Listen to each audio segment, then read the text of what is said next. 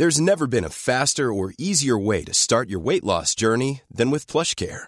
PlushCare accepts most insurance plans and gives you online access to board-certified physicians who can prescribe FDA-approved weight loss medications like Wigovi and Zepbound for those who qualify. Take charge of your health and speak with a board-certified physician about a weight loss plan that's right for you. Get started today at plushcare.com slash weight loss. That's plushcare.com slash weight loss. plushcare.com slash weight loss. There's never been a faster or easier way to start your weight loss journey than with PlushCare. PlushCare accepts most insurance plans and gives you online access to board-certified physicians who can prescribe FDA-approved weight loss medications like Wigovi and Zepbound for those who qualify. Take charge of your health and speak with a board-certified physician about a weight loss plan that's right for you. Get started today at plushcare.com slash weight loss. That's plushcare.com slash weight loss. plushcare.com slash weight loss. Here's a cool fact a crocodile can't stick out its tongue. Another cool fact you can get short term health insurance for a month or just under a year in some states. United Healthcare short term insurance plans are designed for people who are between jobs, coming off their parents' plan, or turning a side hustle into a full time gig.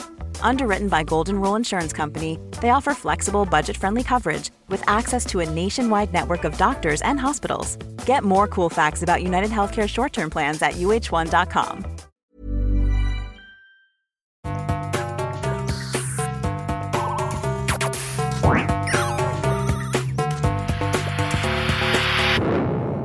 Velkommen til Sinnsyn. Jeg heter Sondre Risom Livre, er psykolog, og dette er Webpsykologens podkast. Hverdagspsykologi for fagfolk og folk flest.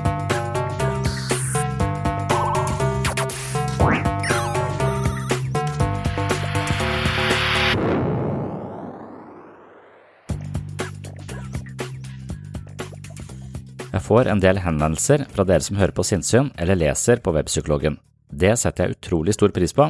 Noen ganger klarer jeg å svare, mens andre ganger glipper det. Dere som henvender dere, kan i alle fall være sikre på at jeg leser alt som kommer min vei, men jeg har dessverre ikke kapasitet til å svare på alt. Veldig hyggelig at mange sender gode ord og uttrykker takknemlighet for ting de har lært via sinnssyn, og slike tilbakemeldinger setter jeg enormt stor pris på. Det er nettopp det som gjør at hele prosjektet virker meningsfullt. Noen er også sinte og mener at jeg tråkker over streken både her og der, og den typen tilbakemeldinger setter jeg også pris på. Jeg gjør mine egne vurderinger av disse tilbakemeldingene. Noen ganger har innsender rett og jeg skal skjerpe meg litt, mens andre ganger er jeg uenig, og da har jeg vel en tendens til å fortsette i samme spor som før. Uansett vil jeg si tusen takk til alle dere som gidder å skrive til meg, og beklager til alle dere som ikke får svar. Dagens episode er imidlertid basert på en mail fra en av dere som hører på. Pernille Hesselberg Meyer skriver følgende i juni 2020. Hei, Sondre. Jeg skriver til deg fordi jeg har lyst til å starte opp en form for biblioterapi, og har fått med meg at du driver mye med det. Da har du kanskje noen erfaringer jeg kan nyte godt av. Jeg er både sosionom og bibliotekar, men jobber ikke innen noen av disse områdene nå. Jeg har lest masse, både fag- og skjønnlitteratur, og lyttet på diverse podkaster, ikke minst din, som jeg synes er veldig bra og interessant. Og for en spin-off, skriver hun, du henviser til det ene og det andre, og man kan jo rote seg langt inn i skauen på tur i dine fotspor. Tusen takk for det. Jeg har etter hvert også en god del erfaring i forhold til å jobbe med selvfølelse, selvverd, opplevelse av mestring og relasjoner osv. Holder også på med litt mindfulness og tilstedeværelse i øyeblikket, og vært innom kognitiv og metakognitive teknikker og mye annet.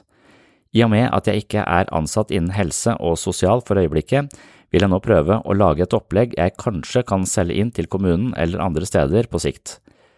Tenker meg at det skal være et frivillig tilbud for et lite utvalg, gjerne rekruttert fra psykiatriteamet eller lignende. Tenkte å starte i det små, uten å ta betalt. Får jeg til det, kan jeg forhåpentligvis selge det inn etter hvert. Jeg er på litt usikker grunn og tenkte det var lurt å lytte til en med erfaring, og jeg vet ikke om andre enn deg for øyeblikket. Dessuten har jeg sans for din tilnærmingsmåte, og jeg vil gjerne lære litt av deg. Håper du har tid til enten å svare meg på mail, eller eventuelt at vi tar en prat på telefon. Dette var en hyggelig mail, og det var fra en person som ønsker å etablere en form for biblioterapi, noe jeg har sansen for. Biblioterapi er en metode eller praksis som jeg selv setter stor pris på, og når jeg selv føler at det gir meg mye i eget liv, har jeg et håp om at det kanskje kan ha en positiv innvirkning på andre. Derfor ønsket jeg å snakke med Pernille om biblioterapi. Vi avtalte et nettmøte, og i siste del av dagens episode kan du høre deler av det vi snakket om. Jeg spiller da her på podkasten fordi jeg regner biblioterapi som et eh, metaspill. Forholdet mellom livsprosjekter som bare driver livet vårt fremover uten å tilføre noe annet enn materielle goder, og livsprosjekter som skaper dybde og mening, er noe jeg har snakket om i mange episoder her på Sinnsyn. Jeg mener at alle må ha en type praksis som tilfører livet mening, samtidig som jeg opplever at vi lever i et samfunn som først og fremst tilbyr det jeg kaller for objektspill, altså livsprosjekter som for eksempel handler om å tjene mest mulig penger for å kjøpe seg flest mulig ting, eller andre livsspill basert på likes på Facebook, sosial kapital, status og andre ting som setter oss i et eh, konkurrerende forhold til omgivelsene våre, i motsetning til et eh, samarbeid hvor vi søker mot mening og ikke egen vinning. Jeg har argumentert i timevis for verdien av såkalte metaspill, men hva er det jeg mener? Det har jeg også prøvd å forklare, spesielt i min første bok Selvfølelsens psykologi, bedre selvfølelse ved å bruke hodet litt annerledes. Her skriver jeg et langt kapittel om meningsfulle livsspill kontra livsspill som kun tilfører en livsmotivasjon basert på å skaffe seg noe mer for å føle seg bedre. Jeg kunne sagt mye mer om det her og nå, men vil heller henvise til tidligere episoder. Mitt mest iherdige forsøk på å forklare den subtile, men viktige forskjellen på objektspill og metaspill finner du imidlertid i selvfølelsens psykologi. Jeg hevder at livet er nødt til å inneholde et metaspill for å oppleve mening og verdi, og mange aktiviteter kan kvalifisere som meningsbærende, og det er selvfølgelig individuelt hva som gir den enkelte av oss en større dybde i livets drama. Det som er sikkert, er at fraværet av denne typen meningsfulle aktiviteter kan kaste en mørk skygge av meningsløshet over livet, og det kan ende med katastrofe. Hello? Hey, Dad. I'm calling from my history class. So, who was president when you were a kid? Oh, I don't know. I guess I think about killing myself pretty frequently. And why not? What's so great about living? You know when I'm happy? For about five seconds in the morning when I first wake up. Before I remember who I am and what my life is all about. Anxiety. Disappointment. Diarrhea more often than not. I don't, I don't know if there's an afterlife. But who cares? Nothingness couldn't be any worse than this meaningless march through my empty days. See, Mr. Brink? Mr. Brink? He's right. It's pointless. Life dismissed.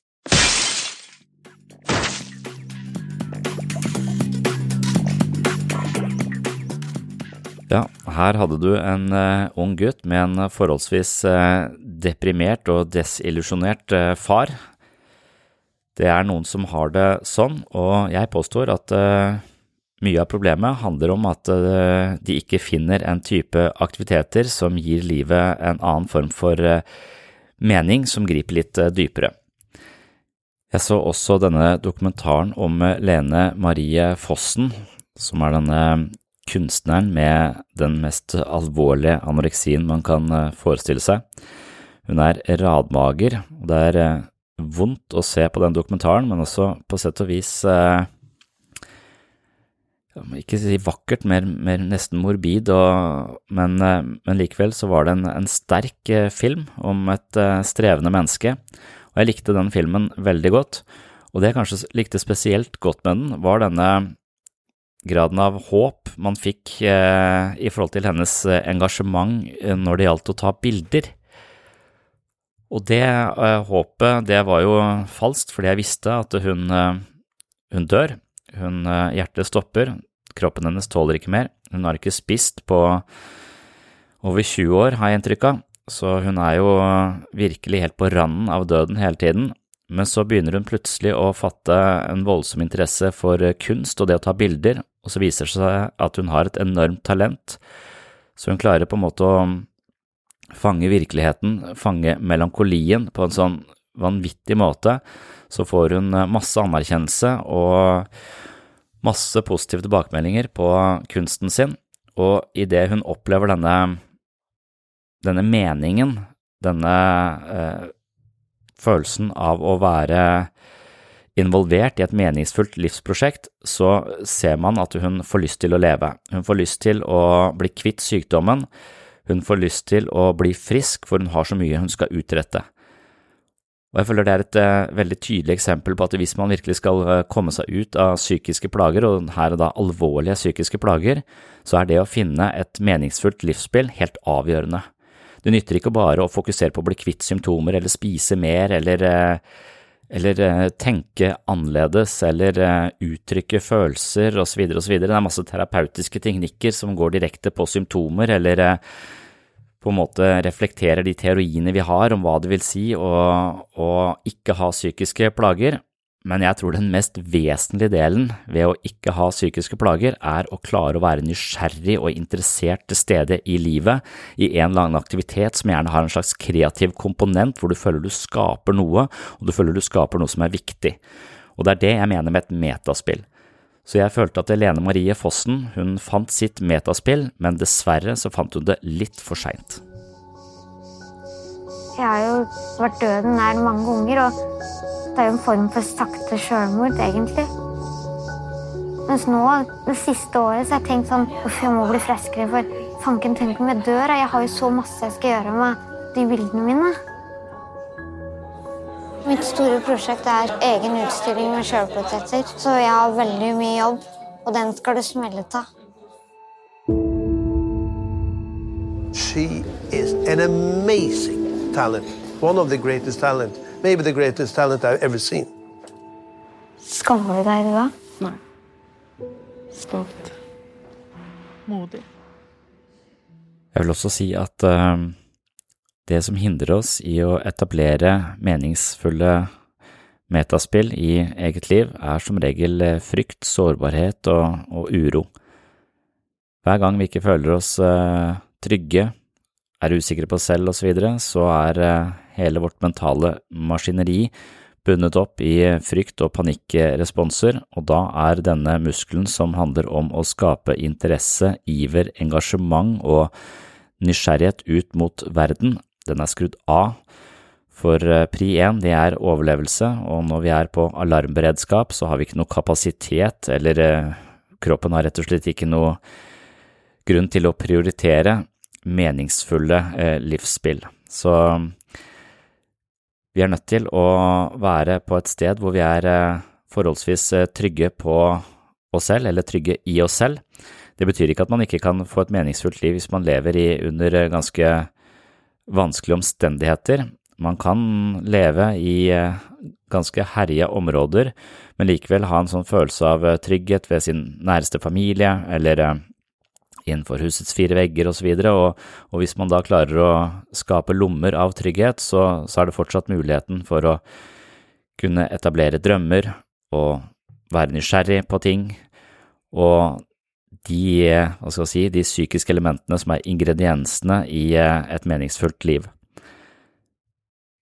Så de menneskene jeg møter, de pleier jeg å snakke, snakke med om eh, nettopp dette med å skape mening i eget liv, ha prosjekter som, som, gir livet en annen form for eh, dybde enn det å måtte gå på jobb, tjene nok penger i en jobb du egentlig ikke trives i. Altså, du, du, du kan godt hende du er nødt til å gjøre de tingene, du er nødt til å ha en jobb som sørger for eh, livsopprettholdelse, men du er også nødt til å ha noen eh, parallelle prosjekter som gir livet noe mer enn disse objektspilljagene. Og det er vi eh, nesten eh, nødt til å klare å etablere. Vi er dømt til å skape mening i eget liv, det har jeg sagt mange ganger her på podkasten, og det er denne eksistensfilosofiens eh, viktigste budskap. Vi er dømt til å skape mening i eget liv. Men for å klare å skape mening i eget liv, så må vi være trygge nok. Så det som hindrer oss i å etablere metaspill, det tror jeg er frykt, primært sett. Og det er også noe Lene Marie Fossen snakker om i denne dokumentaren om sitt eget eh, liv og sin egen sykdom. Det er et ordtak som sier at å leve er å gjøre seg sjøl sårbar.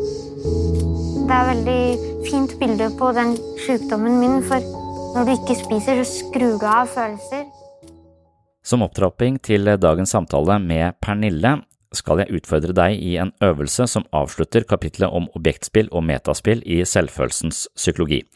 Som sagt så er dette med biblioterapi et, eh, et prosjekt som jeg eh, mener har eh, metaspillaktige kvaliteter, fordi det er en måte å engasjere seg ikke bare i å få nye ting eller tjene penger eller få likes på Facebook, men rett og slett eh, trenge inn i en tekst, i en tankegang, i en ideologi, i en filosofi, i en psykologi, og se hvordan det gir gjenklang og kanskje åpner noen nye rom i vårt eget eh, indre liv. Derfor så anser jeg dette som en eh, vanvittig flott arena for å utforske eh, de litt mer eh, dypere, kanskje åndelige kvalitetene ved, ved det å være menneske. Og jeg snakker høyt om det, for det er noe av det viktigste jeg eh, gjør på siden av det å være pappa, og være, det er også veldig meningsfullt, men eh, at jeg hver uke får lov til å sitte sammen med kloke mennesker og drøfte livets eh, små og store eksistensielle krumspring, det synes jeg er enormt berikende. Og siden jeg selv synes det er så berikende, så tenker jeg jo kanskje at dette kan eh, få ringvirkninger eller være like berikende for andre folk. Derfor er biblioterapi noe som jeg fronter stadig vekk, også her på podkasten. Men eh, i selvfølelsens psykologi så har jeg også en øvelse som går på dette med metaspill og objektspill. Og denne boka er for så vidt full av øvelser hvor jeg forsøker å gi tips til hvordan psykologiske og filosofiske teorier kan implementeres i hverdagslivet, denne øvelsen her, den handler om å etablere en arena for metaspill i ditt liv, og spørsmålet er hvordan du kan gjøre det.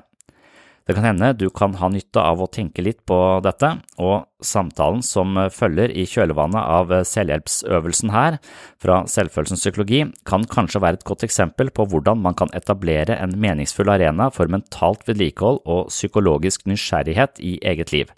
Og Da er det også samtalen med Pernille hvor vi snakker om det å etablere et uh, metaspill, eller biblioterapi, uh, helt privat. Da. Jeg gjør jo dette i uh, regi av Sørlandet sykehus, men jeg vet om mange som gjør dette etter hvert i privat regi. Og ofte er det folk som har vært hos oss og testet ut biblioterapi og fått den samme opplevelsen som jeg har, og så har de tatt det med seg ut i sitt eget liv. Men først og fremst, her kommer en øvelse, og deretter følger en lengre samtale jeg hadde med Pernille Hesselberg Meyer. Robert Bligh, Thomas Moore, Per Fugli, Ken Wilberg, Jon Kabat-Zinn og Joseph Campbell føyer seg inn i rekken av kloke hoder som mener at vi må møte vårt indre liv med bevissthet og mot for å leve fullt og helt. Dersom vi ikke går inn i oss selv, kommer vi til å leve i frykt for å bli dratt inn i mørket uten å være forberedt. I oversatt betydning handler dette om lav selvfølelse. Man kan ikke være trygg på seg selv dersom man går rundt med en diffus frykt for det som skjuler seg under overflaten. I denne øvelsen vil jeg at du skal tenke gjennom ditt eget liv. Hvordan kan du møte ubehaget med mindre unnvikelse og mer bevissthet? Hva kan du gjøre for å komme i kontakt med dybden i din egen sjel? Er det en sang, en type musikk, en bok, en litterær sjanger, et tema, et sted, en reise eller et annet menneske som kan fungere som eh, din åpning til dypere nivåer i deg selv? Tenk gjerne litt gjennom dette, og skriv ned minst tre forslag på eh, et skrivebrett eller på et uh, ark eller i en notisbok. Neste utfordring er å teste det ut over litt tid. Et av mine forslag til metaspill er altså det jeg kaller for biblioterapi, og jeg mistenker at det er et konsept som flere kan dra nytte av, og eventuelt starte selv. Jeg har kalt eh, dagens episode for Biblioterapi tutorial, fordi jeg har eh, snakket med Pernille, som ønsket eh, tips til å starte en biblioterapigruppe selv. Jeg er overbevist om at det finnes mye psykisk helse i å lese bøker, se en sak fra flere sider og sette seg inn i nye perspektiver og ideer. Denne antagelsen ligger sentralt i den gruppen jeg altså kaller for biblioterapi. Ugentlig møtes jeg med 10–15 mennesker og drøfter en bestemt artikkel vi har lest i løpet av uka. Denne gruppa jobber altså rundt et eh, avtalt tema som ligger innenfor psykisk helse og selvutvikling, og vi jobber sammen om å skape en dypere forståelse av oss selv og ulike problemer og utfordringer man støter på i hverdagen. Her jobber man indirekte med seg selv, men det er kanskje først og fremst vår kognitive evner som utvikles og stimuleres. Det handler mye om aha-opplevelser og innsikt som betinger at vi evner å tenke litt bredere, mer fleksibelt og dernest evner å sjonglere flere perspektiver i møte med oss selv og våre omgivelser. Denne evnen er sentral for et stabilt og godt liv, og for mange er utviklingen av slike evner en spennende reise i tanker og ideer. Man kan drive biblioterapi på mange måter, og tradisjonelt sett har det fungert mer eller mindre som en organisert lesesirkel ved et bibliotek. Det er mye psykisk helse i skjønnlitteratur, kanskje mer der enn noe annet sted, men i praksis holder jeg meg til kortere tekster og eventuelt podkastepisoder innenfor psykisk helse. Det viktigste er at deltakerne har en viss idé om den tematikken vi har til hensikt å utforske, og kanskje har gjort seg noen tanker på forhånd. Med tre barn har jeg også litt personlige utfordringer når det gjelder å lese bøker. Jeg tilstreber det så langt jeg kan, men tiden som fylles opp av andre forpliktelser, er i ferd med å få overtaket. Derfor har mye av min lesning blitt erstattet med lydbok og podkast, noe som har en del fordeler og noen desiderte ulemper. Jeg er blant annet redd for at eh, det å lese en lengre tekst er en egenskap som han er nødt til å stimulere og trene opp og holde ved like, hvis ikke så tror jeg kanskje man mister den. Og jeg tror eh, at eh, telefonen min den krever så mye av min oppmerksomhet, og den gir meg korte, sensasjonalistiske overskriftsbeskjeder som fanger min interesse, men også ødelegger oppmerksomheten min. Så det å ha telefonen i nærheten av seg, selv om jeg ikke ser på den, det er som om jeg bruker energi på å holde meg unna den, og så plutselig så ryker det, og så er jeg på en eller annen eh, tilfeldig app og har eh, mistet eh, sporet i den boka jeg forsøkte å lese. Så hvis du i dag klarer å sitte og lese i en hel time uten avbrytelser, så er du nesten en minoritet, det tør jeg påstå. Og jeg ønsker å være i den minoriteten, for jeg tror det er viktig. Jeg tror det er viktig med dyplesning, altså lese lenge og uforstyrra, virkelig komme inn i teksten, sånn at du flyter med teksten og kan sparre med teksten, koble ulike deler av teksten opp mot hverandre som en slags aktiv leser. I motsetning til eh, å bare gå inn, lese noen linjer, ikke huske hva du har lest, for så å sjekke telefonen osv. Så, videre. så jeg tror denne evnen til dyp lesning er noe vi er nødt til å stimulere og trene opp, og jeg tror det også er en forutsetning for det jeg kaller for dyptenkning, altså evnen til å følge et lengre resonnement og tenke litt dypere enn å hoppe fra det ene til det andre. Så å hoppe fra det ene til det andre, det ligner jo litt på det man på en måte assosierer med ADHD, og jeg er stygt redd for at eh, telefonen vår kompromitterer vårt eh, oppmerksomhetsspenn såpass eh, kraftig at vi alle kommer til å være på det nivået hvor man tidligere kalte det ADHD, med at vi pådrar oss en slags oppmerksomhetssvikt bare ved det å eie en smarttelefon. Så Derfor så vil jeg slå et veldig slag for å lese lange bøker, både fordi jeg tror det stimulerer hodet vårt på en måte vi trenger, og fordi at det å sette seg inn i andres perspektiver over litt lengre tid, se et liv fra en annens uh, synsvinkel og, og, komme dypt inn i noe, det tror jeg har enorme psykiske helsegevinster. Mentale helsegevinster, kognitive helsegevinster. Så, så jeg er fan av å lese, men jeg innser at det er noe man virkelig må prioritere, akkurat som alt annet som er viktig. Det må prioriteres, det kommer ikke helt av seg sjøl. Many of us have those stubborn pounds that seem impossible to lose, no matter how good we eat or how hard we work out. My solution is PlushCare. PlushCare is a leading telehealth provider with doctors who are there for you day and night to partner with you in your weight loss journey. They can prescribe FDA-approved weight loss medications like Wagovi and Zepbound for those who qualify. Plus, they accept most insurance plans. To get started, visit plushcare.com slash weight loss. That's plushcare.com slash weight loss. Ever catch yourself eating the same flavorless dinner three days in a row? Dreaming of something better? Well, HelloFresh is your guilt-free dream come true, baby. It's me, Kiki Palmer. Let's wake up those taste buds with hot, juicy pecan-crusted chicken or garlic butter shrimp scampi. Mm. Hello Fresh. Stop dreaming of all the delicious possibilities and dig in at HelloFresh.com. Let's get this dinner party started. Many of us have those stubborn pounds that seem impossible to lose, no matter how good we eat or how hard we work out. My solution is PlushCare.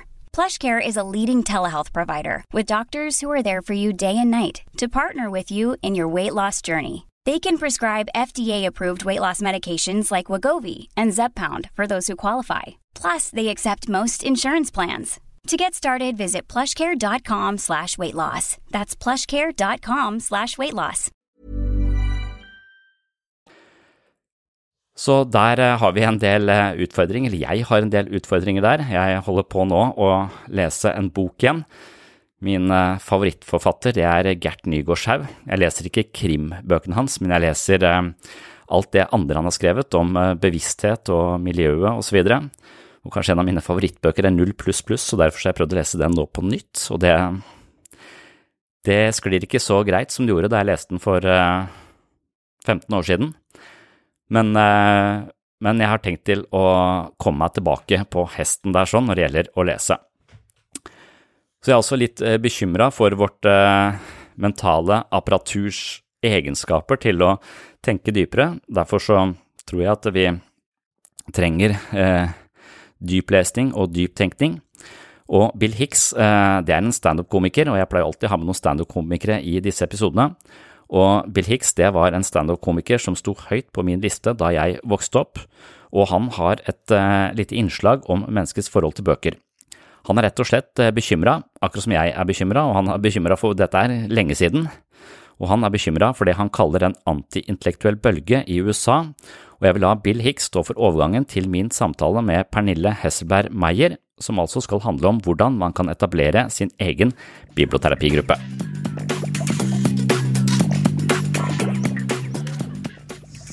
I've noticed a certain anti-intellectualism going around this country, man, ever since around 1980. Coincidentally enough. I was in Nashville, Tennessee last week, and after the show, I went to a Waffle House, right? And I'm sitting there and I'm eating and I'm reading a book. I don't know anybody, I'm alone. I'm eating and I'm reading a book. And this waitress comes over to me. What's you reading for? said, wow, I've never been asked that. Not what am I reading, but what am I reading for? Well, god damn it, you stumped me.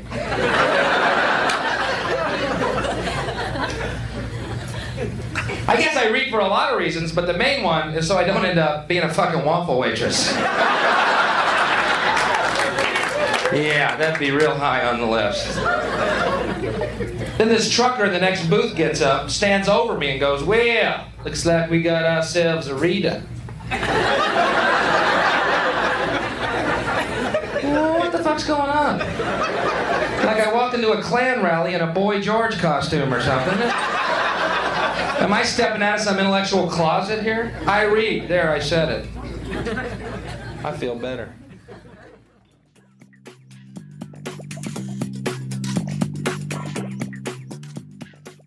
Så du hadde tenkt å um, starte biblioterapi, var det det som var Ja, eller jeg, er veldig i sånn startfasen. Jeg er i en uh, sånn fase i livet hvor jeg må break through, gjøre noen nye ting. Ja. Og det, så jeg sliter litt med å komme meg inn på arbeidsmarkedet innen helse og sosial igjen. Det er ikke så lett. Um, og så tenkte jeg at uh, jeg har veldig mye kunnskap og veldig mye egen erfaring og pårørendeerfaring, og som ansatt også i rusomsorgen i mange år. Ja. Jeg, jeg, har lyst til å bruke det til å formidle det på en annen måte, da. Jeg har veldig tro på mye av det du sier, nemlig det med grupper og det å skape tilknytning mellom folk, da. Ja. Eh, og gjøre dem kjent med seg sjæl. Ja. Jeg tror jo det å bli kjent med seg sjæl er veldig helsedrivende. Ja.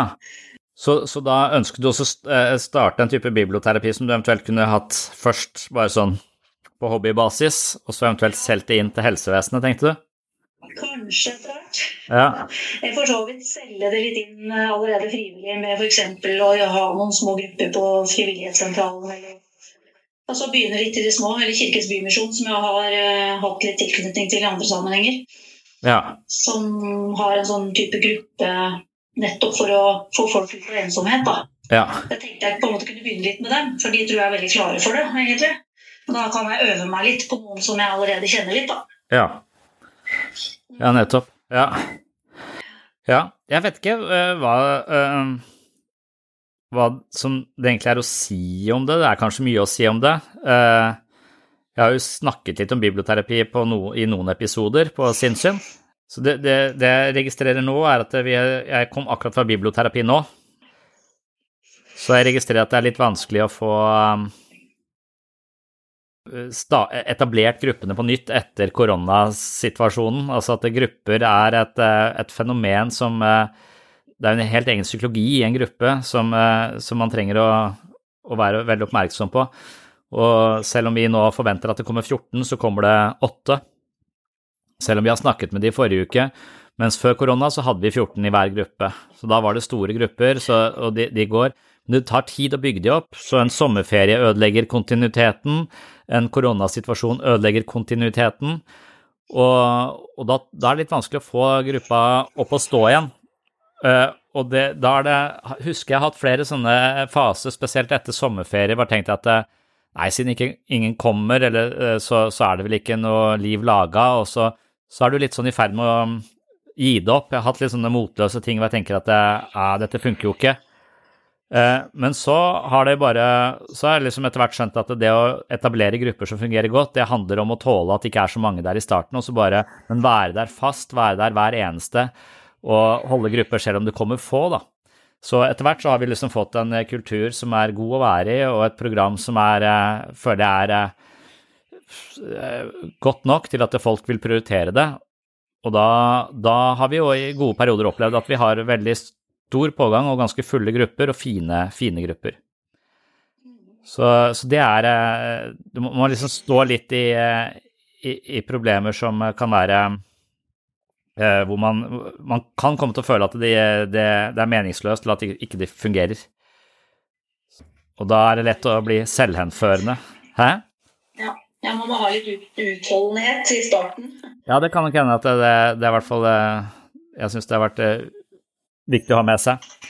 Og når det gjelder selve gruppeterapi, altså så Eller biblioterapi, eh, som det er snakk om her, som ikke er gruppeterapi, men som er noe helt annet, så, så jeg er en annen terapeut i en biblioterapigruppe enn jeg er i, eh, jeg er i gruppe, gruppepsykoterapi.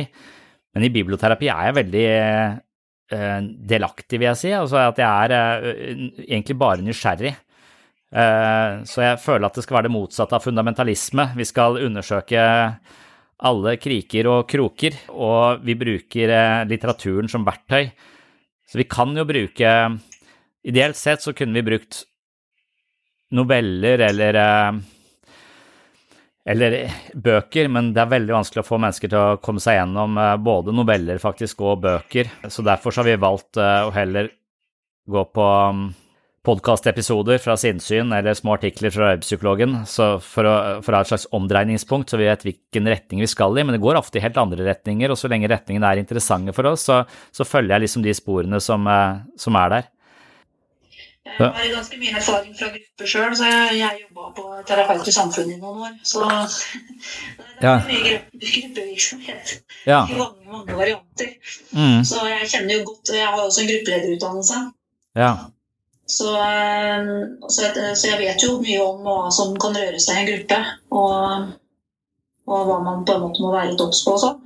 Men det jeg syns eh, ja, Du svarte egentlig litt på det, liksom i hvilken grad du styrer. For jeg synes liksom at jeg er opptatt av at du egentlig ikke styrer så veldig mye, annet enn å si hva man skal ha lest eller hørt på til neste gang. på en måte. Så hvordan starter du på en måte ut en gruppe? Jeg tar litt mer ansvar i den gruppa enn jeg gjør i gruppe psykoterapi. Der er jeg mer tilbakelent.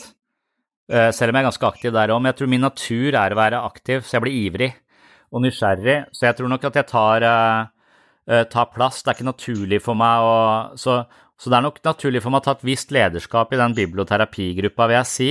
Selv om jeg elsker at folk da uh, gjør det samme, så at vi kan dele det. For da føler jeg de, de kommer også og bærer liksom lasset med meg, da. Og sånn som den gruppa som akkurat var nå, det er bare en samling av eh, Vi var åtte-ni, kanskje. Fantastiske folk som alle er med og er interesserte og utforsker eh, temaet. Så, så, det syns jeg er, eh, det er kjempe, kjempebra. Så, så, så, har du med, med å være leken Altså, jeg, jeg er eh, Det er noen som spør Jeg fikk en mail i går sånn Vil du være med å lage noe sånn lærer... Altså, det er sånn undervisningsmateriell til videregående skole, for de hadde hørt på Webpsykologen. Og det vil jeg ikke, på en måte, fordi at eh, det kan, Jeg skjønner at det er viktig, men jeg liker at jeg kan være sånn halvfrekk eller meg selv hele, hele tiden. Jeg liker en sånn grad av autentisitet som jeg ikke som jeg innbiller meg at ikke er tillatt i akademia. sånn sånn, sånn generelt, da. Så, så den, og med en gang det blir et eller annet sånn så, Men jeg tror nok den der lekne holdningen i biblioterapi er veldig viktig øh, for meg, at vi kan undersøke enhver øh, så, Sånn som å si at øh, jeg har en, en i gruppa som er sånn type sånn hardcore antirasist. Og jeg blir jo litt sånn småirritert hvis, hvis folk psykoanalyserer meg som rasistisk, men, men, så har jeg også en sånn slags metafor på, på, på hele personligheten vår, at det, inni oss altså hele Bevisstheten min er bare et rom hvor det dukker opp mange ting, og der er det mye folk, der er det mange følelser, det er mange tanker, og de kan jeg nesten sånn som den der Innsiden ut-filmen kan jeg nesten se for meg at jeg har et indre liv som er fullt av disse folka, som har sine meninger og sine synspunkter. Og hvis det da bor en rasist i meg, eh, altså at en av disse folka er rasistisk, så er jeg helt sikker på at det er noen som er antirasistisk også, men det kan godt være at det bor en eller annen rasist i meg, så istedenfor å kaste den rasisten ut, da, så føler jo jeg at vi er nødt til å bli kjent med den rasisten. Hva mener den der rasisten som bor inni meg? Hva, hva, har vedkommende Hva slags kommentarer, hva slags, eh, hva slags perspektiv på virkeligheten dukker opp i, i, dette mennesket? Og, så at vi må ha en slags leken innstilling til alt som er i oss. For hvis ikke så, hvis vi fornekter det, kaster det ut, eh, angriper det, så tror jeg bare vi skaper konflikt i oss selv. Så jeg tror det er viktig å være raus og antirasistisk utad, men du må være antirasistisk mot deg selv òg du, du, må, du, må, ha en slags Ja, du, du, er, er, nødt til å leke med dine, dine, Hvis du er redd for dine dårlige sider, hvis du er redd for kraftige følelser, så, så, vil du være på flukt fra deg selv, og du er livredd for hva som kommer inn i rommet. Så noen står jo tviholder på døra så det ikke kommer slemme folk inn i, egen, inn i bevisstheten. Er, da må du bruke masse psykisk forsvar. Det er veldig anstrengende. Uh, og så er det noen som tror at de er det, at de hører på én stemme inni dette rommet som forteller at uh, ut vinduene så ser jeg at verden er sånn og sånn, men verden er egentlig ikke uh, Eller så tror du på at dette, dette, perspektivet er det eneste sanne perspektivet. Og da er du for, da for fanga. Da, da, er du ikke lenger i en slags nysgjerrig, undersøkende posisjon. Du mener det, hva mener han som sitter der borte i hjørnet da? Han har ikke sagt noe på en stund. Hva mener han? Så vi må ha et sånt forhold til oss selv, og at biblioterapi er et sånt sted å leke med sine egne perspektiver, kaste det ut. Noen kaster ut et annet et som sier at det, ja, han der må jo skjerpe seg litt. Ja, det er jeg enig i. Det sa han, og det er jo faktisk eh, Han, han bør jeg stole litt mindre på, eller Så, så at vi, vi, bruker psykologien som et slags redskap til å identifisere ulike aspekter ved oss selv som vi kan gå i dialog med eller utspille. Og det er nok derfor jeg hele tiden har standup-komikere som jeg klipper inn i podkasten, for jeg mener at de har sånn skeivt perspektiv på ting som gjør at uh, istedenfor å bli sånn gravalvorlig og redd for ting, så har vi en mulighet altså, Jeg mener ikke at vi skal le bort alt som er alvorlig og jævlig, men jeg mener at vi må ha en såpass distanse til det at vi kan håndtere det. Så Litt ironisk sideblikk. Ja. De der ja. på, på, en måte også, Jeg holdt på å lage en, en episode på, på Sinnsyn da, om, eh, om eh, vold og trakassering i parforhold, altså partnervold. Og det er i utgangspunktet ikke veldig morsomt. Eh, det er, det er vanskelig å finne, eh, finne, humoristiske innslag om partnervold, men det er ikke umulig. Så, eh, så der, der, finner jeg Bill Burr som sier at han, han, er litt lei av sånne reklamer for, om domestic violence. Da, så at det, er en del reklamekampanjer på TV. Han syns det er uhørt at man lever i voldelige parforhold. Reklamen sier at det er ingen gode grunner til å slå kona di. Og så sier han jeg kan finne på 17 gode grunner til å slå kona mi her og nå,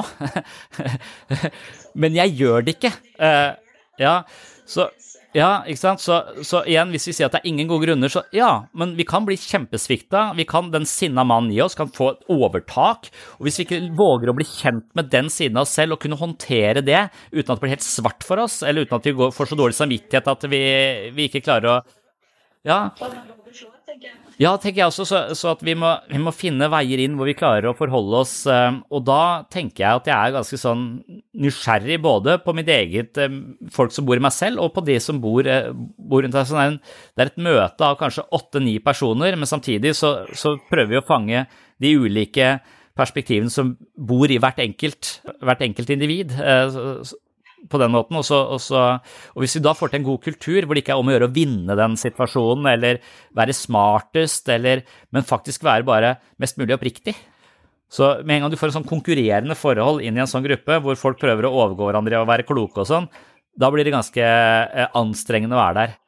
Men med en gang man Jeg tenkte, Hva slags utfordringer du jobber med folk som sliter med et eller annet, da. Da vil jeg jo tro at noen syns det er vanskelig å se på den der eh, rasisten i seg, f.eks., som du snakka om. Noen vil bare Ja, har jeg ikke. Altså, vi later jo ofte som Vi ser ikke våre egne fordommer, da. nei. Men hvordan reagerer folk? Eller er- opplever du at folk kan bli sinte eller ja, lei seg, eller opplever du sånne typer litt sterke følelser? da? Men det er på en måte forskjellen på terapi og biblioterapi, for i biblioterapi så, så foreslår jeg ikke noe om hva som bor i andre mennesker. Så jeg driver ikke også, Mens psykoterapi handler jo om at jeg mener å kikke inn i, i vinduene dine og se at du har mye sinne. Nei, jeg er ikke sint. Ikke? Det, er, det er en psykoterapi. Altså, jeg påberoper meg å se noe hos deg som du selv ikke ser. Og det i en biblioterapeutisk setting, det vil være for meg å bruke psykologi som hersketeknikk. Altså mene at jeg ser noe inni andre som, som de ikke Så, så det, er ikke, er ikke rammen for den. Så jeg ser heller inni meg selv. Så hvis jeg ser en rasist, så er det fordi at jeg uh, snakker om min egen rasist. Så kan folk eventuelt kjenne seg igjen eller ikke kjenne seg igjen. Nå vet ikke jeg om jeg har noen indre rasist, men jeg tenker at det å ha, eh, ha sånne At man på sett og vis er disponert for eh, rasisme uten at man selv mener å være klar over det, at det, det er et fenomen. Men jeg tror også at vi tror at folk som er høye, er klokere enn de nødvendigvis er, eller folk som er pene, får masse privilegier, og hvite får privilegier. Så det er mange sånne ting. Så alle disse tankefellene handler jo om eh, eh, våre perspektiver, og hver gang vi kan undersøke det litt, så kan vi liksom korrigere de litt, sånn at de passer litt bedre overens med, overens med virkeligheten. Så jeg tror ikke at det blir så veldig mange sterke følelser hos folk der de kan kjennes Jeg vil at vi kanskje skal lage en arena hvor folk kan kjenne seg igjen, men ikke bli avslørt, i hvert fall. Det er det viktigste. De må, de må fortelle hva de tror bor i dem, så de kan hive seg på og si, eh, si noe om dette, de også, hvis det er rasisme det, det er snakk om. Eller så kan de eh, la være. Så rammen for biblioterapi, sånn jeg driver nå, er at du kan være her, og så kan du si noe hvis du vil, men du må ikke si noe. Eh, Du kan eh, eh, du kan få noe ut av det bare ved å sitte og lytte. Eh, Og hvis du da er en utrygg gruppe, eh, så vil den ikke si så mye, og da må du dra ganske mye av lasset sjøl. Så det er nok det som er det tunge, eh, og det er derfor jeg eh, er glad at jeg er to. At det er meg og min eh, kollega som driver det sammen. At eh, hvis jeg ikke finner en sparringspartner i ja, for det er akkurat litt sånne ting jeg lurer litt på, sant? hvordan det håndteres. Også, for jeg, tenker, Kan en annen i gruppa begynne å på en måte påpeke noe hos en av de andre igjen? da? Selv om ikke du gjør det. Eh, skjer det? Eller må du alltid stoppe folk? Det er veldig sjelden jeg opplever at folk sier noe som er, eh, er feil, men det hender kanskje at jeg tar tak i det på en sånn måte at jeg prøver å sørge for at det ikke blir noen, noe angrep. Jeg vil ikke ha en eh, Jeg vil ikke ha noe fiendtlig stemning i en gruppe, og hvis jeg opplever det, så, så vil jeg tematisere det.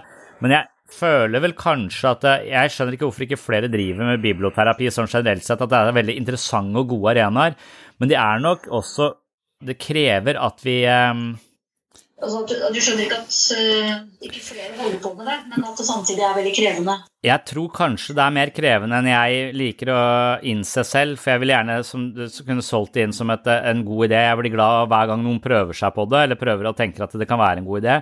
Og mange som går her, tar det med seg ut i livet og etablerer det andre steder. Og det syns jeg høres ut som en, uh, en god ting. Men jeg skjønner også at det, det, det det er akkurat som noen lærere har en slags naturlig autoritet, kanskje. eh, og de får liksom med seg De kan lage De klarer å håndtere en stor gruppe og skape en, en god kultur i den gruppa. Men så er det noe som ikke Så, så kan det komme kraftige eh, hva skal man si, krefter inn i en gruppe og rive den ned.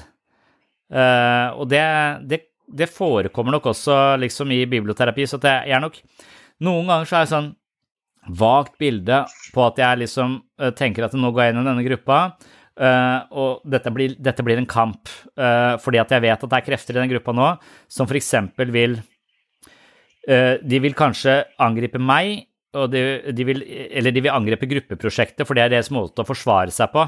Så, så hvis de syns at dette her hvis de er redde, så vil de forsvare seg med kynisme og devaluering av prosjektet. Eh, og da vil de på en måte indirekte angripe gruppa for å sette seg litt over gruppa, og da taper hele gruppa. Og da er jeg litt nok eh, litt på vakt, og så skal jeg tenke at det skal jeg løse på en sånn måte at det vedkommende som har den følelsen, kommer til å føle seg trygg, har mindre behov for å devaluere, devaluere det, og sørge for at det blir en arena som folk opplever som meningsfull. Så noen ganger så tenker jeg at det, det er viktig at jeg vinner din tillit til de som er utrygge, for hvis ikke jeg gjør det, så, eh, så kommer dette prosjektet og hele gruppe, gruppa til å vakle. Så, og da tenker jeg kanskje ikke litt at det, Da tenker jeg nok litt at jeg må være en trygg leder, egentlig. Nesten det samme som jeg kan tenke når sønnen min har fem kamerater på, på besøk, og de begynner å turne, og jeg ikke liksom føler at jeg mister kontrollen, da, så må jeg på en måte gjenvinne en slags uh, lederrolle i den gruppa for at de skal kunne være inne hos oss, eller for at vi skal kunne dra på den turen, eller hva vi skal, så må jeg liksom så jeg litt, men, men dette er jo voksne mennesker, så jeg har ikke så mye den, men jeg kan få den følelsen innimellom. Og da, men da tror jeg nok at det, det hjelper at jeg er, har holdt på med dette her i kanskje ti år, eller 15, jeg vet ikke, jeg har holdt på med den, dette her i veldig lang tid, så jeg tror nok at jeg har eh, nok av språk og, og, på en måte muligheter til å gå i ulike retninger, så jeg vet at jeg kan redde det, redde det inn, da. Men jeg er ikke så veldig bevisst det, for nå, nå føler jeg bare at jeg gleder meg til de gruppene. Jeg, bare, jeg elsker å være der, og da vet jeg at da er det en god kultur. Jeg er avslappa, jeg er liksom Ja. Og så tror jeg at det å være et forbilde, det å være gjennomsiktig selv, er helt avgjørende. For hvis jeg tror at jeg er en eller annen sånn At jeg, jeg, jeg kan jo en del psykologi, men jeg er jo helt fucked up på andre måter, kan man si. Altså, jeg er ikke det, men jeg er jo like fucked up som alle andre på, på en eller annen På visse har altfor lite tålmodighet og altfor lite, så, så, på en måte så bare Altså finne en sånn helt sånn En ting er at du er en leder av en gruppe, men en annen ting er at du også er helt likestilt som menneske, liksom.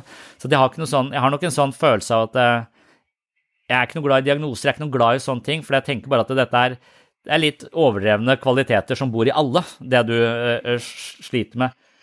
Så det å kunne ha en sånn Ja. ja. Jeg er klart veldig med på den.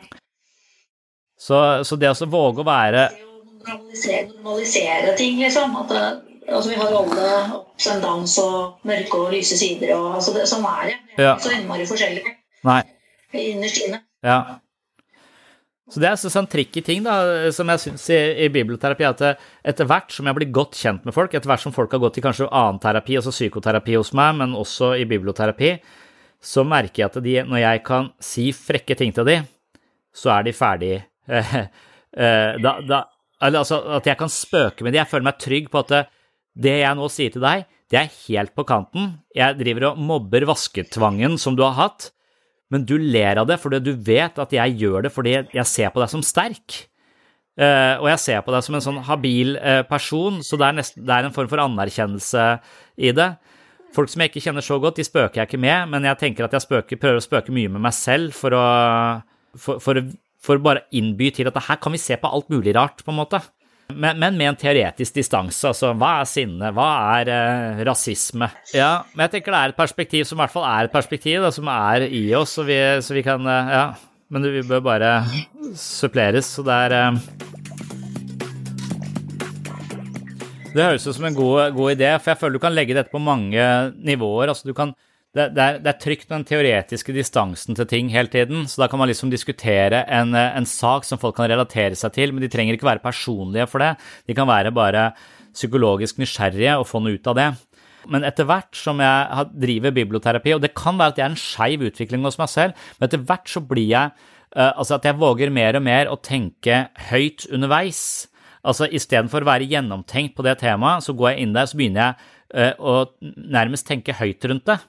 Uh, og det kan være litt farlig, for du kan komme til å si ting som uh, Det er ikke gjennomtenkt, da, men hvis det er en trygg atmosfære, og alle vet at alt jeg tenker og føler, er feil, så kan jeg jo si det, for alt jeg tenker og føler, er jo feil. Så dette er jo absolutt ikke Men nå driver jeg og utforsker disse, disse tingene. Så det som kom opp i stad, det var litt sånn uh, I den gruppa vi akkurat hadde, hvor, hvor jeg ja, vi, vi, om, vi snakker om hvordan vi oppfatter verden og, og ting rundt oss. og og så kommer jeg på at jeg, jeg selv um, kanskje av og til uh, føler meg utilpass med mennesker som er høye. Eh, og det er sånne småting som jeg egentlig ikke For da var det en, en veldig høy person i gruppa som snakker om eh, lav selvfølelse og sånne ting. Og så, så jeg, men hver gang jeg snakker med deg, så må jeg se opp. Altså, jeg, jeg, og, og, akkurat det eh, kjenner jeg litt på som en sånn slags Hva har egentlig høyde å si? Altså, for hva har kroppen å si? Kom inn på da. Kroppen har jo Jeg har møtt veldig høye mennesker her i psykisk helsevern som prøver å være lavere. At de har en slags selvfølelse, tror jeg, som, som, er så liten, og det at de bor i en så stor kropp, det føles feil for dem, så de er født i feil høyde. Og jeg mener jo selv at jeg har en selvtillit eh, som er litt høyere enn min egen fysiske høyde, så jeg er 1,79,5, men jeg burde vært 1,80. og det er, det er jeg mangler en halv centimeter, så jeg lurer på om jeg skal uh, finne ut om det går å operere på seg en halv centimeter, for da tror jeg jeg akkurat der jeg, akkurat, jeg er født i feil høyde. Jeg kan, jeg kan, det Det kom som et forslag fra gruppa, bare kjøp noen innleggsholder, så er Men ikke sant, man kan jo Men da kom det også fram at en av de andre deltakerne hadde begynt på, på judo, og etter hvert som man kom opp og følte at det, kroppen min er liksom i balanse, kroppen min mestrer verden, og det er ikke Og hvis folk kommer og slår meg ned på gata, så kan jeg ta dem. Den tryggheten Det er ikke det at de er noe voldelige, men det, det gjør et eller annet med hele, hele måten så, så, vi begynte å tenke på i hvilken grad vil, eh, vil, psykologien vår, altså måten jeg ser min egen selvverdi eller selvfølelse, den vil synes i kroppen min. Eh, og hvis jeg har lav selvfølelse, så vil jeg ofte gå litt sånn hvis, hvis jeg går ut med mye angst, så vil det på en måte den den beredskapen den vil synes i min kroppslige fremtoning, og hvis jeg da begynner å bevege kroppen min annerledes, bære kroppen min annerledes, vil det gjøre noe med psykologien? Og vil jeg, hvis jeg gjør masse med psykologien i bare psykoterapi, vil det komme til å påvirke kroppen, eller vil kroppen bare gå i det samme mønsteret og dra meg tilbake i den samme lave selvtilliten, selv om jeg egentlig har snakket meg ut av den? så, så, så på sett og vis så tror jeg kanskje man må jobbe vi, ansetter akkurat en ny fysioterapeut, så, så, det, så, jeg tenker at det er utrolig viktig å ha Kanskje de to tingene alltid må gå sammen. Kanskje en av grunnene til at vi mislykkes i psykoterapi, er fordi at vi alltid snakker om ja, du er mer verdi, eh, verdt enn det du egentlig tror, fordi at du har alltid blitt kritisert, bla, bla, bla. Så har du en eller annen idé om at eh, ok, da misforsto jeg meg selv, jeg har kanskje litt mer verdi, jeg må ta, tørre å tro litt mer på meg selv. Og, så, kanskje det har en viss effekt, men hvis kroppen du går rundt i later som om den eh, er helt udugelig, eller fortsatt bare kryper seg sammen, så kan det være at den overbeviser den innsikten som du hadde, eller, eller avviser den igjen, jeg vet ikke. Så at det, kanskje vi må Ja, så jeg, jeg lurer på forholdet mellom de to tingene, det er jo interessant. Det er sånn Vi satt og diskuterte lenge, og det blir sånn Jordan Peterson eh, hummerpsykologi. Altså de hummerne som vinner disse kampene, de strekker seg ut og blir større og større og får bedre og bedre steder å bo, kommer høyere og høyere opp på rangstigen. Fordi kroppen deres rett og slett ser mer fryktinngytende ut når de går inn i denne eh, kampen, mens noen kanskje automatisk legger seg under andre bare i måten de går på. Det vet jeg ikke, men, eh, men det er litt sånn uh, Wilhelm Reich, litt sånn uh, kroppsorientert psykoterapeutiske perspektiver. Alle sånne alle sånne ting som kan få oss til å tenke litt annerledes på f.eks. kroppen vår, sinnet vårt. Og, og, da tenker jeg hele tiden på min egen Ja, jeg er nok en halv centimeter for kort. Men kanskje jeg egentlig bare er deranged, at jeg har litt større tro på meg selv enn jeg egentlig burde ha. ikke sant? Så egentlig burde jeg jekke meg ned til 1,79,5. Ja. Så enten så må jeg nå øke på en måte størrelsen min i kroppen, eller så må jeg, må jeg jenke selvtilliten min ned til jeg, jeg, tror det er viktig, eh, og det er, det er, nok sånn jeg kan bli litt eh, Av og til få noen slag i trynet, at jeg kanskje innser at jeg har trodd litt for mye på mine egne perspektiver, og at jeg er liksom jeg er liksom selvgod, på en måte. og at når jeg, når jeg, får noen kommentarer som virkelig bare Jeg skjønner at det, ah, det hadde jeg ikke tenkt på. Nå gikk jeg altfor hardt ut. Og det skjer av og til. Da er det som å få liksom en, en midt i trynet, men sånn, den smerten er viktig å, å kjenne på, da. Sånn at du ikke går rundt og tror du er 1,90 og så, i selvtillit, og så, og så, er det egentlig liksom virkelighetsfjernt. Du går rundt og mangler perspektiver og ikke ser folk rundt deg, f.eks. Så og så er det noe som går rundt med en altfor lav Man gjør kanskje det, altså. Jeg diskuterer dette, dette med kollegaer, og, og, så er det en sånn veldig sånn diskusjon i det sosialpsykologiske miljøet, typisk i USA, når jeg følger noen podkaster der, så diskuteres dette veldig om at det, vi vet om sosialpsykologi, er det egentlig sant? Og så viser det seg jo at veldig mye av det lar seg ikke ja, du, du, klarer ikke å gjøre den samme studien og få det samme resultatet, og derfor så, så, så, kan det være at det er spesifikke faktorer i akkurat den studien som viste en eller annen uh, signifikans i forhold til en eller annen parameter, men at det egentlig ikke stemmer, for du kan ikke, du kan ikke replisere det på en måte, og da, og da tenker man er det, er det falskt? Også, mens jeg har nok en sånn, og dette er noe jeg har diskutert med kristne veldig, for, for forskjellen på meg og en kristen er nok at det, de kristne mener at det finnes en sannhet med stor S jeg mener nok at, det, at det, jeg er agnostisk til om det finnes en, en, faktisk virkelighet og en sannhet, men jeg er bare overbevist om at vi aldri kan nå den absolutt, men vi kan nærme oss den. Så vi kan ha mer eller mindre gode perspektiver på uh, verden rundt oss, fordi at de perspektivene er mer eller mindre langt fra virkeligheten, som virkeligheten egentlig er, men vi kan aldri tangere virkeligheten, fordi at vi må alltid oppfatte virkeligheten via sanseapparatet vårt, nevrosene og alt sånt noe. Så, så jeg mener at vitenskapen hjelper oss opp mot denne, denne eh, sannheten, men, men, sånn som dette Zimbardo-studiet, hvor, eh, hvor de, dette fengselet eh, hvordan folk blir halvpsykopater i løpet av veldig kort tid hvis du gir dem makt og uniform.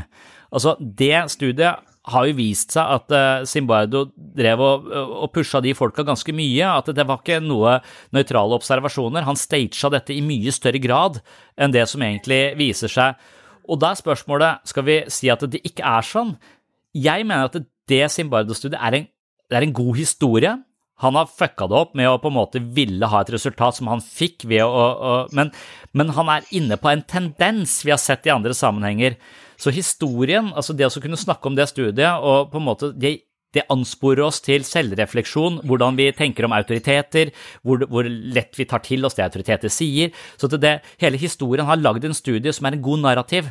Det er en spennende, det er en dramatisk fortelling som ansporer oss til å tenke innover. Og selv om den da ikke på en måte kvalifiserer som en vitenskapelig studie, så peker den mot noe. Den peker mot en type sannhet. Den er langt ifra den sannheten, for det er et dårlig studie, men det har fortsatt en viss verdi, da. Så noen studier er veldig tett på virkeligheten og veldig sånn dette gjelder i veldig mange sammenhenger. Og da kan vi bruke det for det det er verdt, men vi må alltid tenke på det som om at det kan være bare litt riktig, eller det vil alltid bare, det vil aldri tangere virkeligheten, da.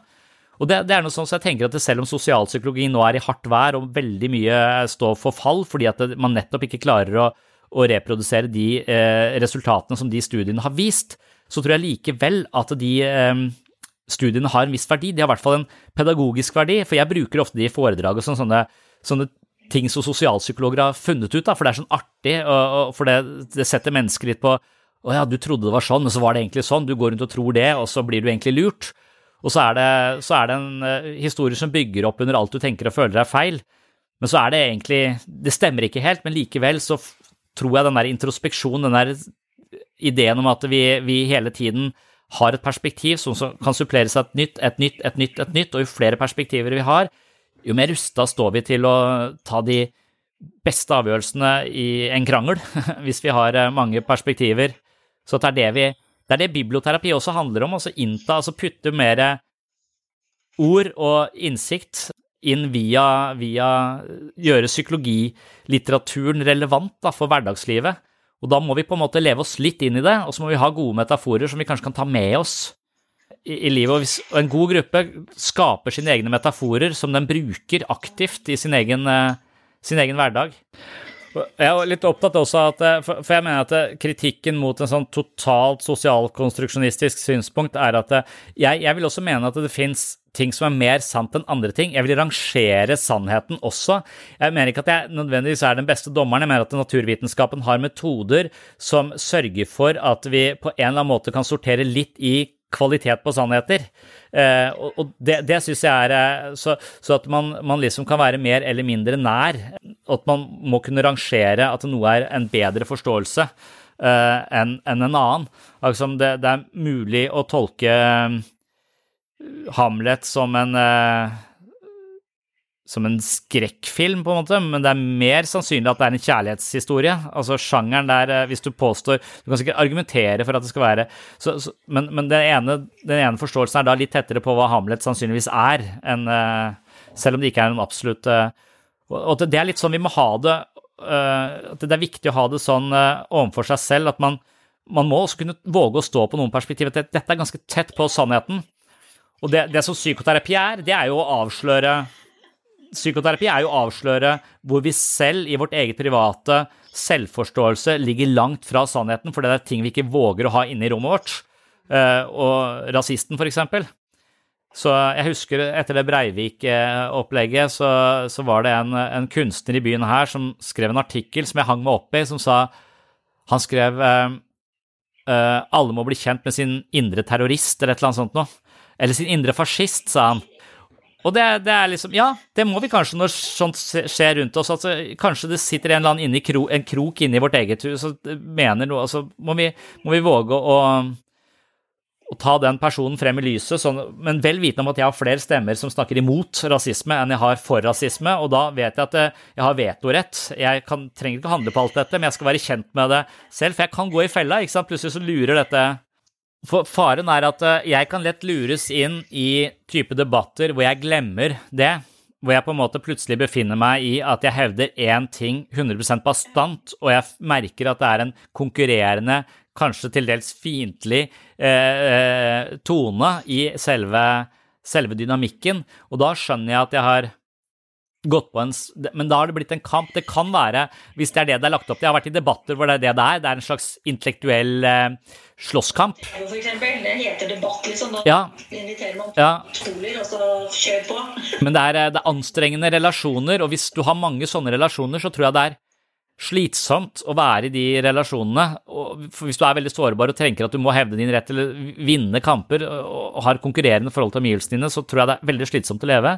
Og så merker jeg at de relasjonene som jeg absolutt har det best i, det er de som ikke er drevet av eh, noe som helst konkurranse, men som ren nysgjerrighet, eh, på en måte, på den andres perspektiver. Altså, jeg er genuint nysgjerrig og tenker eh, jeg, lurer på hva mener Petter om dette, tenker jeg ofte er en god kollega av meg. Og, og jeg ikke om han har andre perspektiver, jeg er bare genuint interessert i hva tenker han om dette her. og, og den typen relasjoner føler jeg er liksom drevet av en jakt etter mening, snarere enn jakt etter og en biblioterapigruppe som er på jakt etter mening, snarere enn uh, å finne et eller annet uh, endelig svar på noe, eller uh, Ja.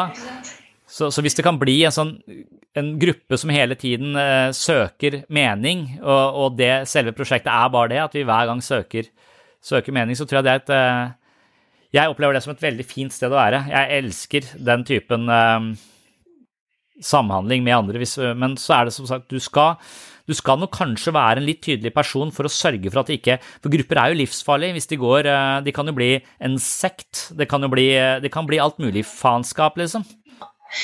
Men vet du, men sånn litt konkret, hva er det noen som driver altså Jeg vet at i Danmark så, og Sverige og sånn, så driver de jo mye mer med type utdannelser og kurs og sånn. Men er det noe som helst sånt i Norge? Nei, jeg har ikke hørt om uh... Ledere, biblioterapeuter, liksom? Altså, eller noen type det har jeg ikke hørt om, jeg sier. Altså, jeg føler litt at det, eh, ordet bare kom til meg fordi at jeg ikke kunne kalle det kollokviegruppe.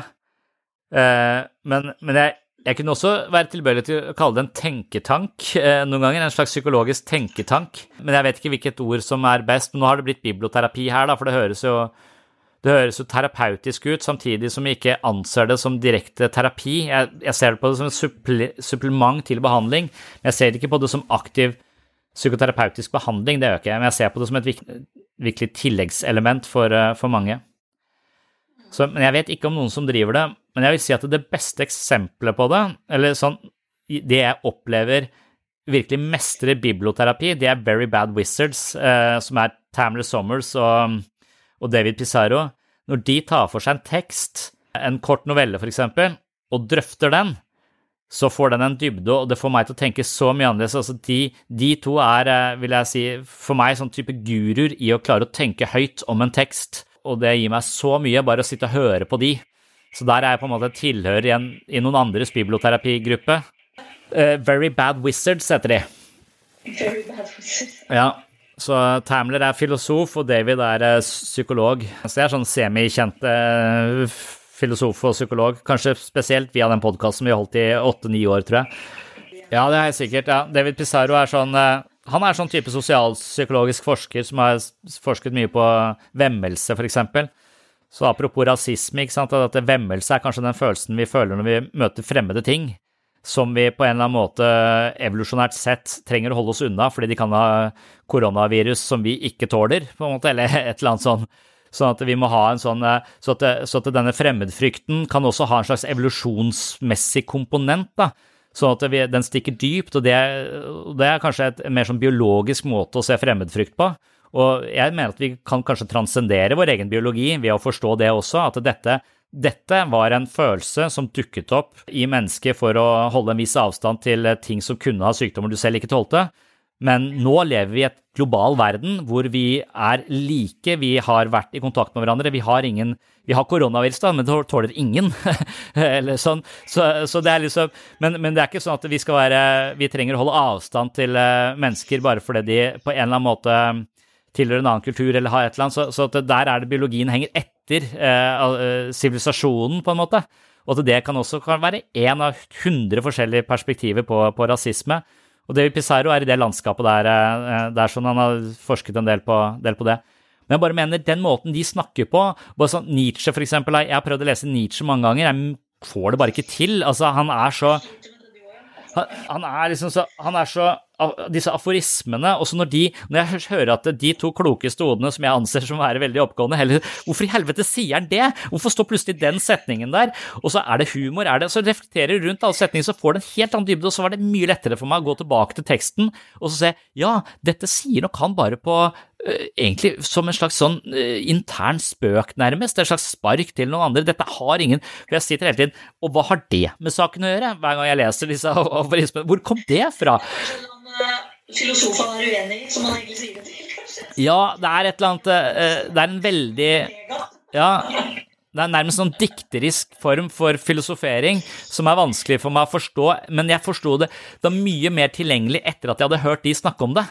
Sånn at, eh, sånn at hvis de, de åpner døra til noe for meg som gjør at, For at du ligger på dette nivået, men dette må forstås her, på denne måten. Det går ikke an å se det på den måten du har prøvd å, prøvd å se det på. Og Samme med vin. ikke sant? Altså Hvis jeg hører en podkast om, eh, om vin, så skjønner jeg hva jeg skal se etter neste gang jeg drikker en eh, flaske Bordeaux, liksom. Eller jeg veit hvilken retning jeg skal se i neste gang jeg er der, liksom. Ja. Ja. Så det håper jeg at eh, Ja. til livet. Både vin og bruk. Ja. Men for så vidt også psykologi og selvhjelpslitteratur også. ikke sant? Det er noe med at de åpner en dør. da. Ja. Det er ikke sikkert at den selvhjelpsboka passer 100% men ja, der er det noe jeg kjenner meg igjen i. Ja. Det kanskje er sånn det henger sammen for meg. Mm. Man utforsker det, så kan man kanskje tro det er sånn en stund, og så, sånn som jeg har gjort. Da, plutselig nei, det var jo egentlig ikke det heller. Nei. Da ble jeg lurt igjen. Altså, ny, ny innsikt. Mm. Det var ikke det det handla om. Altså, det Ja. er veldig morsomt, da. Det kan være en god måte å sette opp en biblioterapigruppe på, og så sette opp paradokser også. Sånn at man f.eks. stoikerne og, og den positive psykologien sier tilsynelatende stikk motsatte ting. Altså Stoikeren står opp om morgenen og tenker at dette er siste dagen, barna mine kommer til å dø i løpet av dagen, det kan skje. Så de, de, de, de kultiverer en slags sånn krisemaksimering, og så de, de veldig, blir de veldig på en måte setter pris på at det ikke skjedde, de overlevde denne dagen også. og Så setter de, så, så, så det, stoikerne har en liksom helt annen filosofi enn den positive psykologien, som er liksom sånn tenk positiv, gjør Så, så, de, det det høres ut som to motstridende ting. Men det, jeg tror ikke det kan være motstridende. Jeg tror at eh, her finnes det grenseoppganger og avklaringer og nyanser vi er nødt til å, å, å finne fram til for å få disse brikkene til å passe sammen i hele puslespillet som er mennesket. Da. Og da, da er det interessant å diskutere ting som på overflaten virker totalt motstridende, for å se om vi klarer å finne noen, eh, noen fellesvenner. Og i den prosessen så tror jeg også vi kommer til å kanskje tenke litt annerledes om Eller ah, kanskje ha litt større kapasitet til å, eh, til å håndtere våre egne paradokser. Det å føle seg som en eh, udugelig far og en eh, god far eh, samtidig, på en måte. Hva, hva hører til hva? Ja. Hvor lenge holder du på med de bibliogruppene du har nå? De varer en time. En time? Mm. Men da har de på en måte lest eller hørt på forhånd når de kommer? Ja. Har du noen gang gjort sånn at dere har lest sammen, eller var det sånn du starta med en gang? Eller har du gjort forskjellige varianter fra da du begynte, liksom? Det har gått over nå bare at de hører en podkast, for jeg har følt at eh, jeg har gått mer og mer over til å høre ting og ikke lese så mye. Men det er fordi jeg har fått barn, så jeg savner å lese. Men, eh, og noen savner at vi leste artikler, eh, at de hadde noe konkret de kunne stryke under og ha for, foran seg. Så de likte artikkel, et ark. Jeg vil ikke ha altfor lange tekster, for jeg vil at det skal være mulig å komme igjennom det. Så, og noen podkastepisoder blir altfor lange, så, men, men, du skal også kunne være der uten å nødvendigvis ha hørt det, men du får mer ut av det hvis du har, har hørt det. Og det er litt det også, så hvis du fanger folks interesse, så er det noe med også ikke bare noen, noen forholder seg til behandling som se de går, og så liksom, går de fra det, og så er de ferdig med det. Men, men, men, men, forandring i livet det krever jo en slags kontinuerlig innsats. Og det at vi har noe mellom, mellom sesjonene, at vi har et eller annet vi alle har et visst fokus på i løpet av den uka, som vi da kan diskutere på slutten, på slutten av uka, det, det syns jeg er en god ting. Det syns jeg er en god ting i mitt eget liv også, for ofte så handler jo de episodene om et eller annet som kan være litt bevisstgjørende, som jeg kommer til å legge merke til den uka. Ofte så finner jeg eksempler på på det som jeg vet er tematikken til neste biblioterapigruppe i mitt eget liv. Altså, hvis det handler om tålmodighet, så, så du Oi, dette er den situasjonen hvor jeg sliter med tålmodigheten. Det, så, så, så, er det som om temaet denne uka minner meg litt på det, og så kanskje jeg er litt mer tålmodig akkurat i den situasjonen, faktisk. Eh, nei, fordi, men Hender det at du bruker den samme teksten eller podkasten over to ganger, eller er det alltid ny? eller hvordan? Ja, det hender det også, hvis jeg mener det er et veldig innfløkt uh, tema. Og så er det noen temaer som kan engasjere veldig mye veldig lenge, og så er det noen temaer som er veldig vanskelig. Jeg vil si at det er veldig filosofiske temaer som jeg selv er interessert i, sånn type døden og meningen med livet og sånn, det er ikke fullt så veldig Det slår ikke så mye an som jeg hadde trodd. Så, så ikke lyst til å gå helt inn i det rommet der. Ja, men da, altså, det kommer litt an på åssen folk er. Altså, jeg tror nok jeg er veldig sånn intuitiv av natur, og, eh, mens folk som er mer sansende og vil ha mer konkrete ting, da, da syns det er eh, helt meningsløst å diskutere om vi lever i en eh, simulering. Eh, det, det, det, er det.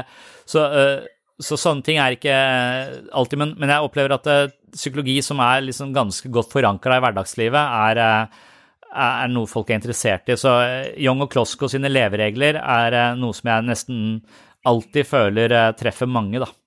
Sånne skjematerapi-varianter som jeg liksom på en måte har bare stjålet fra de, og så bruker veldig aktivt i terapi generelt sett òg, da. At jeg oppsummerer disse levereglene for de som ikke klarer å lese hele boka selv, eller ikke orker, og så, så scorer jeg de på disse. Og så, og så kan vi ha tematikken som å føle seg annerledes utenfor, skam, føle seg mislykka, og så har de veldig pedagogiske ord på det, da, som utgangspunkt for eh, Så det å gå gjennom eh, negative leveregler, det har jeg sett på som en litt sånn suksessoppskrift for en eh, biblioterapigruppe som er i innenfor helsespekteret. Altså hvis det, du har med noen som sliter litt ø, psykisk på en eller annen måte, så er, det, så er det et bra utgangspunkt. Og Det er nok det, noe av det, det, som gleder meg mest når, sånn som jeg kom fra den gruppa Den gruppa jeg kommer fra akkurat nå, den, den følelsen som har som på en måte har klart å sveise seg sammen, og at jeg, jeg, merker at de som er i den gruppa, selv om de ikke kjenner alle kjenner hverandre ikke så godt, så er de på en eller annen måte litt glad i hverandre. Det er liksom eh, Og den følelsen, den litt varme følelsen i en gruppe hvor, er, hvor, du, hvor du, kan være med hele deg uten å uh, parere så mye eller føle at du går i, går i feller, det er, en, det er et godt fellesskap. Så det er nok kunsten å skape sånne typer gode fellesskap. Det, det, er litt sånn eh, Det er en fallgruve, men også en sånn fin, fin ting med, med sånn gruppe. Hvis folk er åpne, så, så, skjønner man at man er mye likere andre mennesker enn man kanskje trodde. Men grupper kan også gå litt i den fella at de begynner å tenke at vi er de eneste som er oppegående, mens hele verden er helt på trynet. Og, og det blir også litt sånne aktivistgrupper. Så du, du kan få sånne sånne grupper som rotter seg sammen mot verden og syns at verden ikke fungerer eh, og alt er helt eh, så, så, da får du sånne aktivistgrupper, og det er heller ikke spesielt konstruktivt. Det bare bygger opp et slags sånn, sånn stort sånn skille mellom oss og de andre. Ikke sant, det blir oss mot dem. Ja, eller oss mot Nav blir det ofte. Kan det selvfølgelig virke også over at man bare snakker om sykdommen sin eller alt som er fælt. da.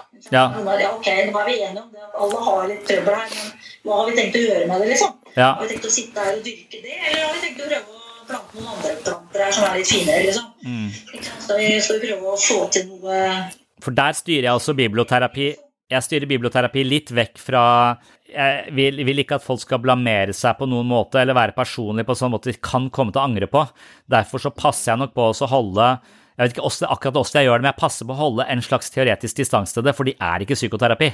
Eh, så dette skal være noe som er for folk flest, tenker jeg. Og, og da, da skal jeg nok passe det. Så, så hvis, du, hvis, jeg får litt alvorlig syke folk inn i gruppa som kan ha en tendens til å, uh, å være på et sted hvor de er selvavslørende på en måte de ikke liker, eller forteller noe, så, så, så vil jeg, det vil jeg komme til å stoppe. Men jeg vil også passe på at de ikke de kommer dit in the first place, da. Så vi har veldig sjelden problemer med det.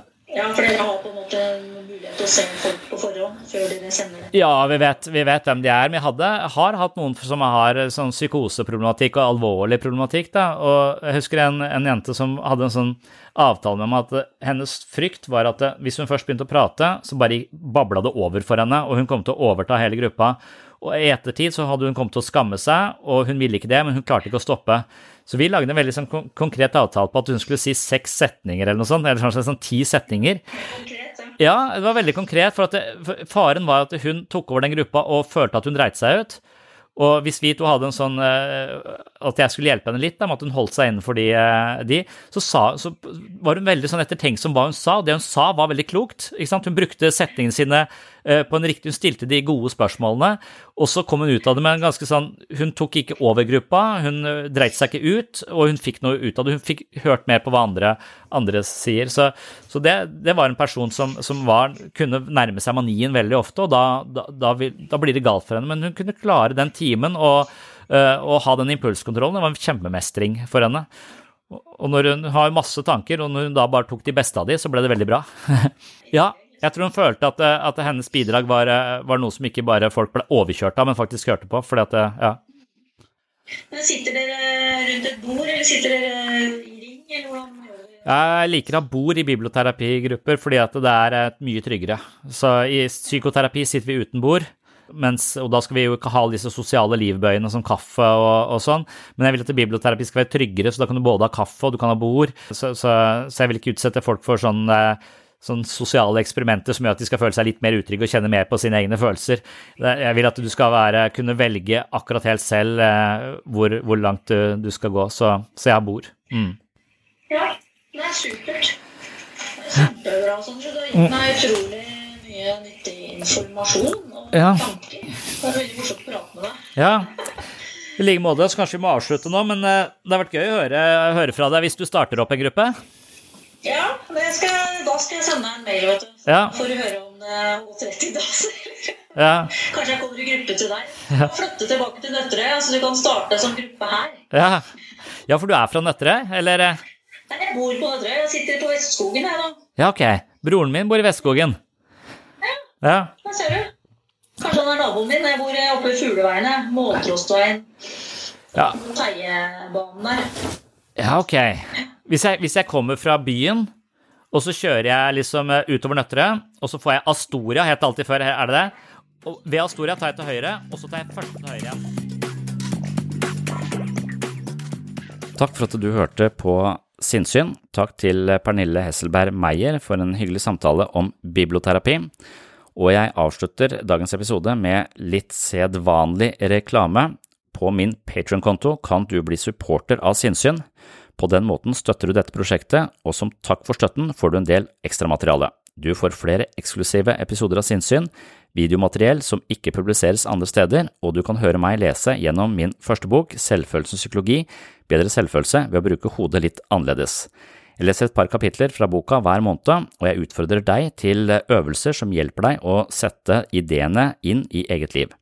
Ved hjelp av en rekke psykologiske teorier hentet fra mine bøker forsøker jeg å lage et slags treningsprogram hvor man gjør øvelser som styrker selvbildet, selvfølelsen og mentale muskler. Etter at jeg har jobbet meg gjennom alle kapitlene i selvfølelsens psykologi, går jeg videre med min neste bok, Jeg, meg selv og selvbildet. Den er også full av øvelser og tips knytta til selvbildet. Er du blant de som finner verdi her på sinnssyn og er litt over middels interessert i psykologi og filosofi, så er et medlemskap i Sinnsyns mentale helsestudio kanskje noe for deg. Håper å se deg som patron-supporter. Du finner medlemskapet på www.patron.com sinnssyn, og du finner linken i shownotes og på min hjemmeside webpsykologen.no. En annen måte å støtte podkasten på er å kjøpe merchandise fra sinnssyn. Er du en person som liker å tenke litt dypere, og ser på denne typen refleksjon og ettertanke som mental trening, mener jeg at man bør ha treningstøy i orden. På et nettsted som heter Teespring har jeg min egen butikk hvor du kan få kjøpt Sinnsyns kolleksjon av mentalt treningstøy. Kolleksjonen heter Alt du tenker og føler er feil, og hvis du skjønner hva det slagordet forsøker å formidle, må du nesten ha en skjorte som reflekterer denne innsikten. Sjekk ut mine T-skjorter og hoodies på Teespring. Linken finner du i shownotes eller på webpsykologen.no. Og så vet du også om bøkene mine. Det er en annen måte å støtte podkasten på. Jeg har skrevet tre bøker, Jeg, meg selv og selvbildet, Selvfølelsens psykologi og Psykologens journal, og jeg har en ny bok på trappene. Den kommer eh, etter hvert, jeg har ikke noe tidspunkt på det enda, så jeg gidder ikke å begynne å mase om det, men uh, den kommer. Og disse bøkene får du til best pris med gratis frakt og rask levering fra webpsykologen.no. Det var det for denne gang. Takk for følget, og på gjenhør! Hey, it's Danny Pellegrino from Everything Iconic. Ready to upgrade your style game without blowing your budget? Check out Quince. They've got all the good stuff shirts and polos, activewear, and fine leather goods, all at 50 to 80% less than other high end brands. And the best part? They're all about safe, ethical, and responsible manufacturing. Get that luxury vibe without the luxury price tag. Hit up quince.com slash upgrade for free shipping and 365 day returns on your next order. That's quince.com slash upgrade.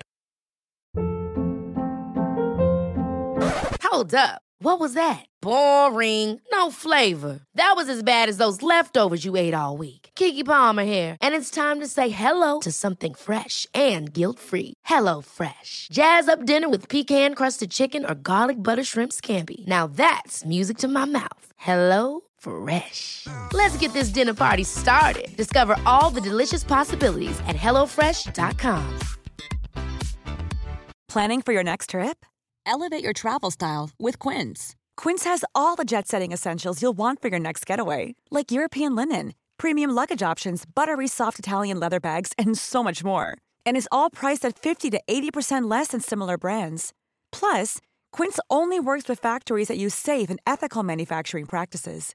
Pack your bags with high-quality essentials you'll be wearing for vacations to come with Quince. Go to quince.com slash pack for free shipping and 365-day returns.